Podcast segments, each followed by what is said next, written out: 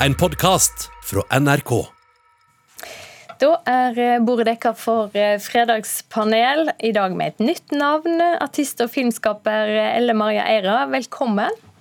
Riktig. Her i studio, skuespiller Torbjørn Harr og programdirektør i Nordisk Film Kino, Kristin Berg. Velkommen til dere òg. Takk for det. Aller først før vi starter, Kristin. Tre ord om hvordan det kjennes å åpne dørene til kinoene i Oslo i dag etter å ha vært stengt så lenge. Vet du hva, Det er bare helt fantastisk. Våkne til sol. Vi åpner kinoen i dag etter nesten syv måneder stengt, faktisk. Alle kinoene i Oslo åpner. Vi har mange fulle hus. Og bare bestill billetter i tide, sier vi, for det er stor aktivitet der ute, og folk vil på kino. Det er godt. Vi gleder oss. Ja, det er veldig bra, Torbjørn. Ok, vi går i gang. Og Første tema er netthets. Denne veka ble det klart at politiet etterforsker hetsen mot MDG-politiker Lan Marie Berg.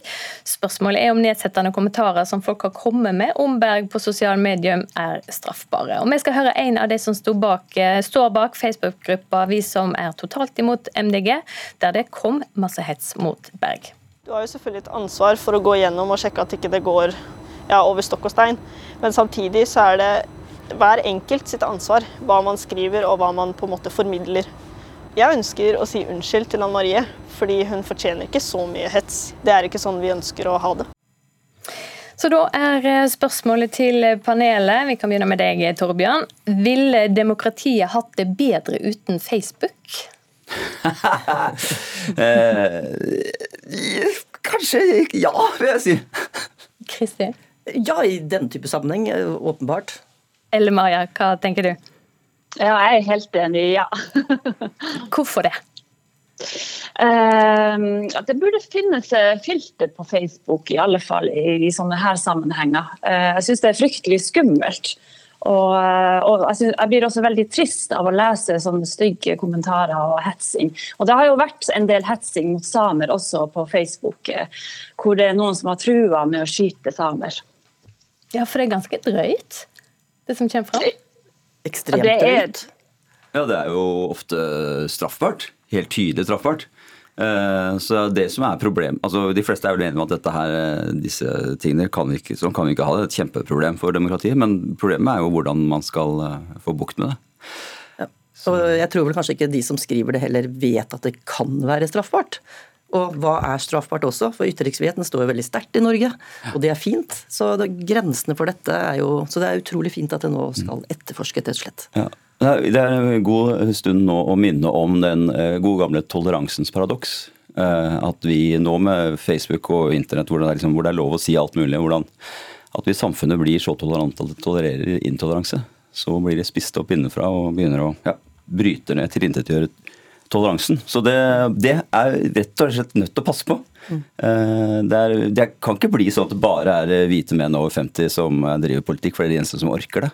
Det er, det er det mest beundringsverdige. For vi må ha de vi må ha toppfolka i politikken. Uh, og, det, og, det, er mange av toppfolka som ikke orker å holde på så mye hvis det får så mye, hvis det, bare, det går så mye på det personlige. Så det er et kjempeproblem for demokratiet. Er det inne å lese på kommentarfelt? Nei, vet hva, Det er jo det som også kanskje er en sannhet her. For det færreste av oss orker kanskje gå Eller jeg må snakke for meg selv, da. Eh, lese disse kommentarene. For jeg blir sånn Wow, eh, det er så opprørende. Og også det som du nevnte også med hvem vil drive med lokalpolitikk, hvem vil ytre seg. Og det er jo mest kvinner under 30 er jo en forskning på også, som blir mest utsatt for denne type hets. da. Og det er jo, begrenser jo samfunnet, begrenser aktiviteten eller ønsket om å drive som lokalpolitiker og være menings, ha meninger. Absolutt. Elle Maria, du har jo vært med på å prøve å ta kontakt med de som har eh, sagt eh, stygge ting på Facebook. Hvordan har det gått?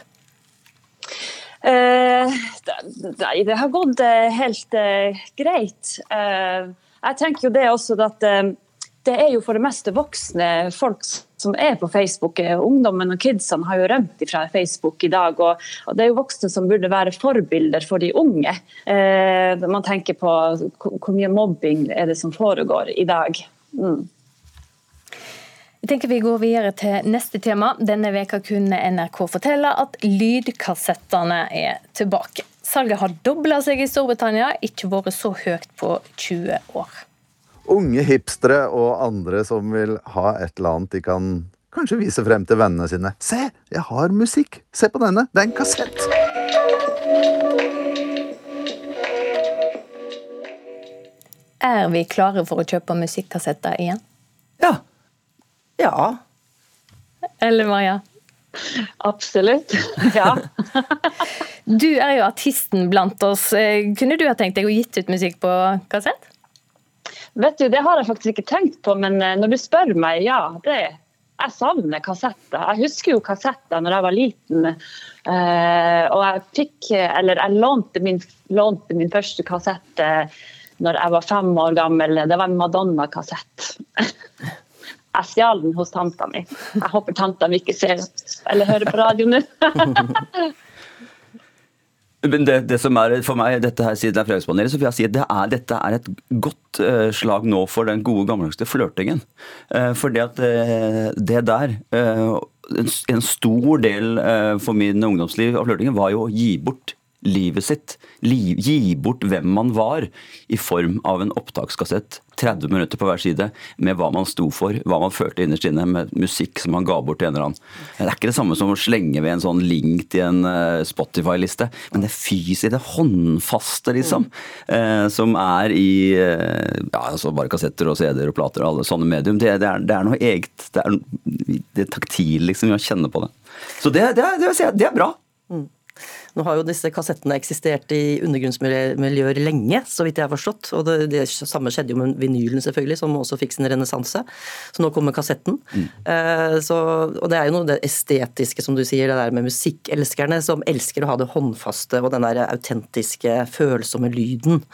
Eh, spørsmålet er jo vil disse musikkelskerne og gjerne hipsterne vil de fortsette å på en måte hegne om eh, den nye kassetten når de store kommersielle artistene eh, også favner om dette her? For det er jo helt klart å ha et kommersielt øye med det også. Det jo, fansen kjøper jo alt. Altså alle typer eh. ja. Men autentisk lyd, er det bedre? Eh, jeg, jeg, det er eh, En ting som jeg syns er veldig interessant på en sånn vireperspektiv, er hvordan vi nå eh, de siste årene går godtar og vil ha dårligere og dårligere kvalitet på tingene våre. Altså det gjelder både, ja, både på det visuelle, når det gjelder bilder, altså MPEG-formatet i forhold til gode, gamle fotografier, hvis du printer dem ut på print, og musikk. Eh, MP3-formatet er jo, Hvis du hører ordentlig på en MP3-format på en god høyttaler, det, det, er rett og slett ordentlig dårlig. Eh, I forhold til CD-er og plater. Og, altså Kassett ligger vel kanskje litt midt imellom der. Men, men, men det er veldig interessant det der. At uh, vi faktisk uh, altså For 15 år siden var det helt uaktuelt å høre på så dårlig kvalitet og se på så dårlige bilder som det vi ofte tar. Um, så det er bare en interessant ting nå. Det er også interessant, altså det skjer jo også f.eks. med film. altså Noen filmer har et estetisk uttrykk som gjerne liksom ville passe inn i en VHS-kassett eller en DVD. som også, altså det er, det er jo i flere, uh, ikke bare i musikken, men også i andre uh, kulturuttrykk. Men har folk flest fungerende kassettspillere hjemme? Har, hvis du har gammel nok bil, ja. så har du det med auto reverse. Uh, så jeg har vår fatterns gamle boble. Ja. Der er det, så det, det gleder jeg meg til. Så du er klar? Jeg skal kjøpe, jeg skal kjøpe en ny kassett, putte den inn der. Men det jeg synes er veldig fint, er at det ikke er målbart. Det er noe mystisk med det å ha en kassett, og du må gjerne gjøre, høre gjennom hele. og Hvis du skal gå tilbake, så må du faktisk spole det. Så, eh, og Det er sånn, jeg syns er veldig bra. Det er litt uforutsigbart. da. Og det er klart Å komme på en fest som ung 20-åring eh, med en kassett som nesten ingen har sett, det må være veldig stas. Det må gi eh, virkelig kred. Ja, jeg vet ikke, eller da skjønner du ikke. Jeg kan fortelle, Har vi tid til at jeg forteller en liten historie fra mitt eget miljø? For at eh, jeg er jo, vi begynner å bli litt eldre, og så er det en i den gjengen som har fått en blitt skilt og fått en veldig mye yngre kjæreste. Og så var vi på en fest, og så lå det en sånn gammel kassett der. Og så plutselig tar hun den opp og sier Hæ? Hva er dette for noe? Og Det var som et sånn bevis for alle oss andre at han, han, hadde begynt på en helt annen generasjon enn vi andre. Blir han litt flau da? Ja. Vi går videre. Vi har tre filminteresserte folk med, og det kan passe bra. Vi skal snakke om film. Hele fire nye norske spillefilmer er på gang, og alle handler om den andre verdenskrigen. Det kommer på toppen av tre slike filmer de siste åra. Vi skal høre kjapt en liten smakebit fra en av de som kom i fjor, 'Den største forbrytelsen'.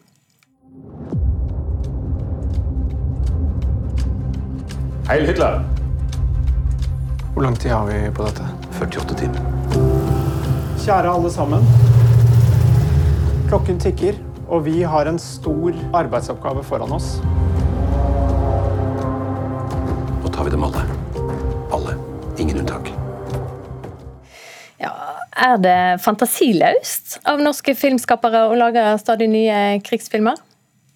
Nei, vil jeg si. Ja, ja. Eller Maria? Ja, jeg begynner nå å bli litt lei, for jeg vil gjerne se eh, en krigsfilm fra nordnorsk perspektiv. Eh, Altså en eh, regissør som er fra Nord-Norge, som forteller historien fra Nord-Norge og om Nord-Norge. Så Den filmen vil jeg se. Og gjerne fra samisk perspektiv òg. Er det slik at filmer om krigen automatisk eh, drar større publikum? Kristin, det kan vel du Jeg tenke kan si noe om det, men jeg vil også si noe om at jeg syns det er litt lettvint å si at det er fantasiløst. Det lages veldig mye film i Norge, kanskje 30-35 filmer i året. Og det er, ikke, det er ikke mange krigsfilmer av det. Og det er litt tilfeldig at det kommer mange akkurat nå også, så det må se, måtte se litt større og litt mer nyansert. Men at eh, krigsfilmer, og gjerne ikke bare for hvilken som helst krig, da, det er jo selveste krigen, annen verdenskrig, den er, favner stor interesse, den får mye oppmerksomhet. Eh, F.eks. Max Manus, som eh, innehar foreløpig rekord, nesten 1,2 millioner. Eh, Kongens nei ble sett av over 700 000, så det er klart at det, det trekker et stort publikum. Voksne folk, det grå gullet som sagt, de, de kommer seg ut og ser film. Det er en stor interesse rundt det. For meg så er det, det er der spørsmålet ligger. Ikke hvorfor norske filmskapere lager så mye film om krigen, men hvorfor publikum vil se det om og om igjen. Altså, Det lages så som du sier, så mye fantastisk eh, film eh, i Norge om, som handler om nå, som handler om oss, samfunnet vårt, eh, hvordan vi lever sammen. Som kan gå inn i kinosalen og komme ut og skjønne noe nytt. Plutselig har fått en ny tanke, en ny idé om hvordan vi lever. Hvordan vi forholder oss til hverandre nå.